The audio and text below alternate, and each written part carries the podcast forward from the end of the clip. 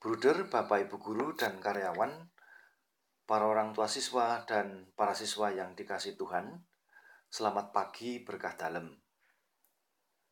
Sebelum kita mengawali aktivitas kita pada hari ini, marilah kita berdoa dan mendengarkan firman Tuhan, agar apa yang kita lakukan pada hari ini selalu mendapat kelimpahan berkat Tuhan. Kita siapkan firman Tuhan dari Injil Lukas bab 10 ayat 21 sampai 24. Dan buku doa pelajar Selasa pertama halaman 6. Allah adalah kasih. Marilah kita mewartakan kasih Allah. Dalam nama Bapa dan Putra dan Roh Kudus. Amin. Allah Bapa sumber kehidupan, kami bersyukur kepadamu atas anugerah dan rahmatmu yang kau berikan kepada kami pada hari ini berupa hari baru, kesehatan, keselamatan, dan sukacita.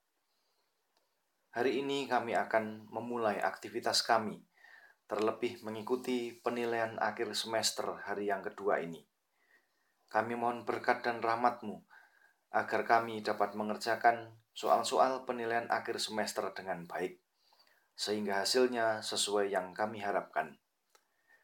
Kami akan mendengarkan firman-Mu, bantulah kami agar kami mampu memahami apa yang Engkau sabdakan sehingga kami dapat melaksanakan dalam kehidupan kami. Amin.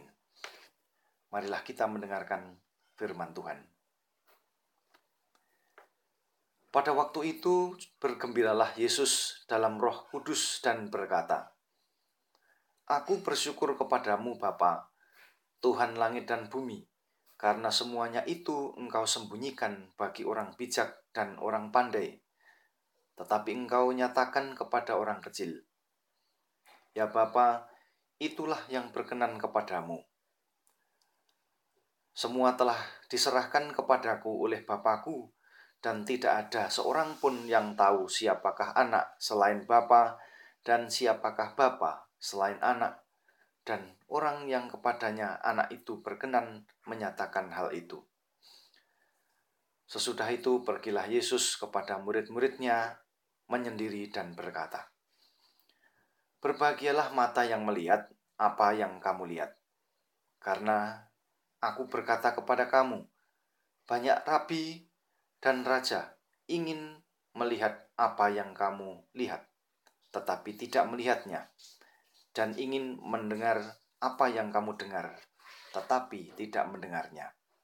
Demikianlah sabda Tuhan. Syukur kepada Allah. Bacaan Injil pada hari ini, Yesus bersuka cita sebab Bapaknya di surga telah mengaruniakan pengertian mengenai kebenaran rohani bukan kepada orang yang menganggap dirinya bijak yang cerdas, pandai, atau terhormat, tetapi kepada mereka, orang kecil yang memiliki sikap rendah hati. Ada tiga pesan yang ingin disampaikan Yesus dalam firman pada hari ini. Yang pertama adalah bergembiralah atau bersukacitalah. Yesus mengatakan bahwa ia bersukacita dalam Roh Kudus kita sadari bahwa dalam hidup kita banyak roh-roh jahat yang mengganggu kita. Roh-roh jahat itu bisa berupa pikiran-pikiran negatif, niat-niat jahat, atau hal-hal lain yang bisa berakibat tidak baik bagi diri kita sendiri maupun bagi orang lain. Maka kita perlu kembali ke dalam diri kita, berdoa supaya kita dapat membedakan roh yang membuat kita bersuka cita dan roh yang dapat mencelakakan hidup kita. Yang kedua adalah bersyukur. Yesus bersyukur atas apa yang diberikan Allah kepada Bapaknya. Ia bersyukur karena Bapa telah memberikan segalanya kepadanya. Pertanyaan reflektif bagi kita adalah apakah kita mampu bersyukur melalui hal-hal yang kita terima setiap saat ataukah kita cenderung mengeluh dengan situasi yang kita hadapi setiap hari. Bersyukur merupakan dasar dari sukacita. Jika kita sadar bahwa Allah telah memberikan segalanya kepada kita, maka kita hendaknya bersyukur. Sekarang tergantung bagaimana kita mampu melihat pemberian Allah di dalam setiap detik hidup kita. Yang ketiga adalah berbahagialah. Apa makna kata bahagia? bagi hidup kita. Di dalam kitab suci, bahagia itu sederhana.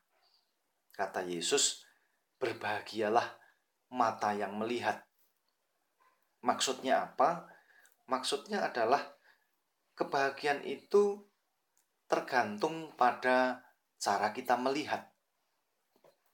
Dalam hidup kita, banyak hal yang membuat kita tidak bahagia karena cara kita melihatnya sangat berbeda. Barangkali kita cenderung melihat segala sesuatu di luar diri kita itu sebagai sumber masalah, sehingga menyebabkan kita tidak bahagia.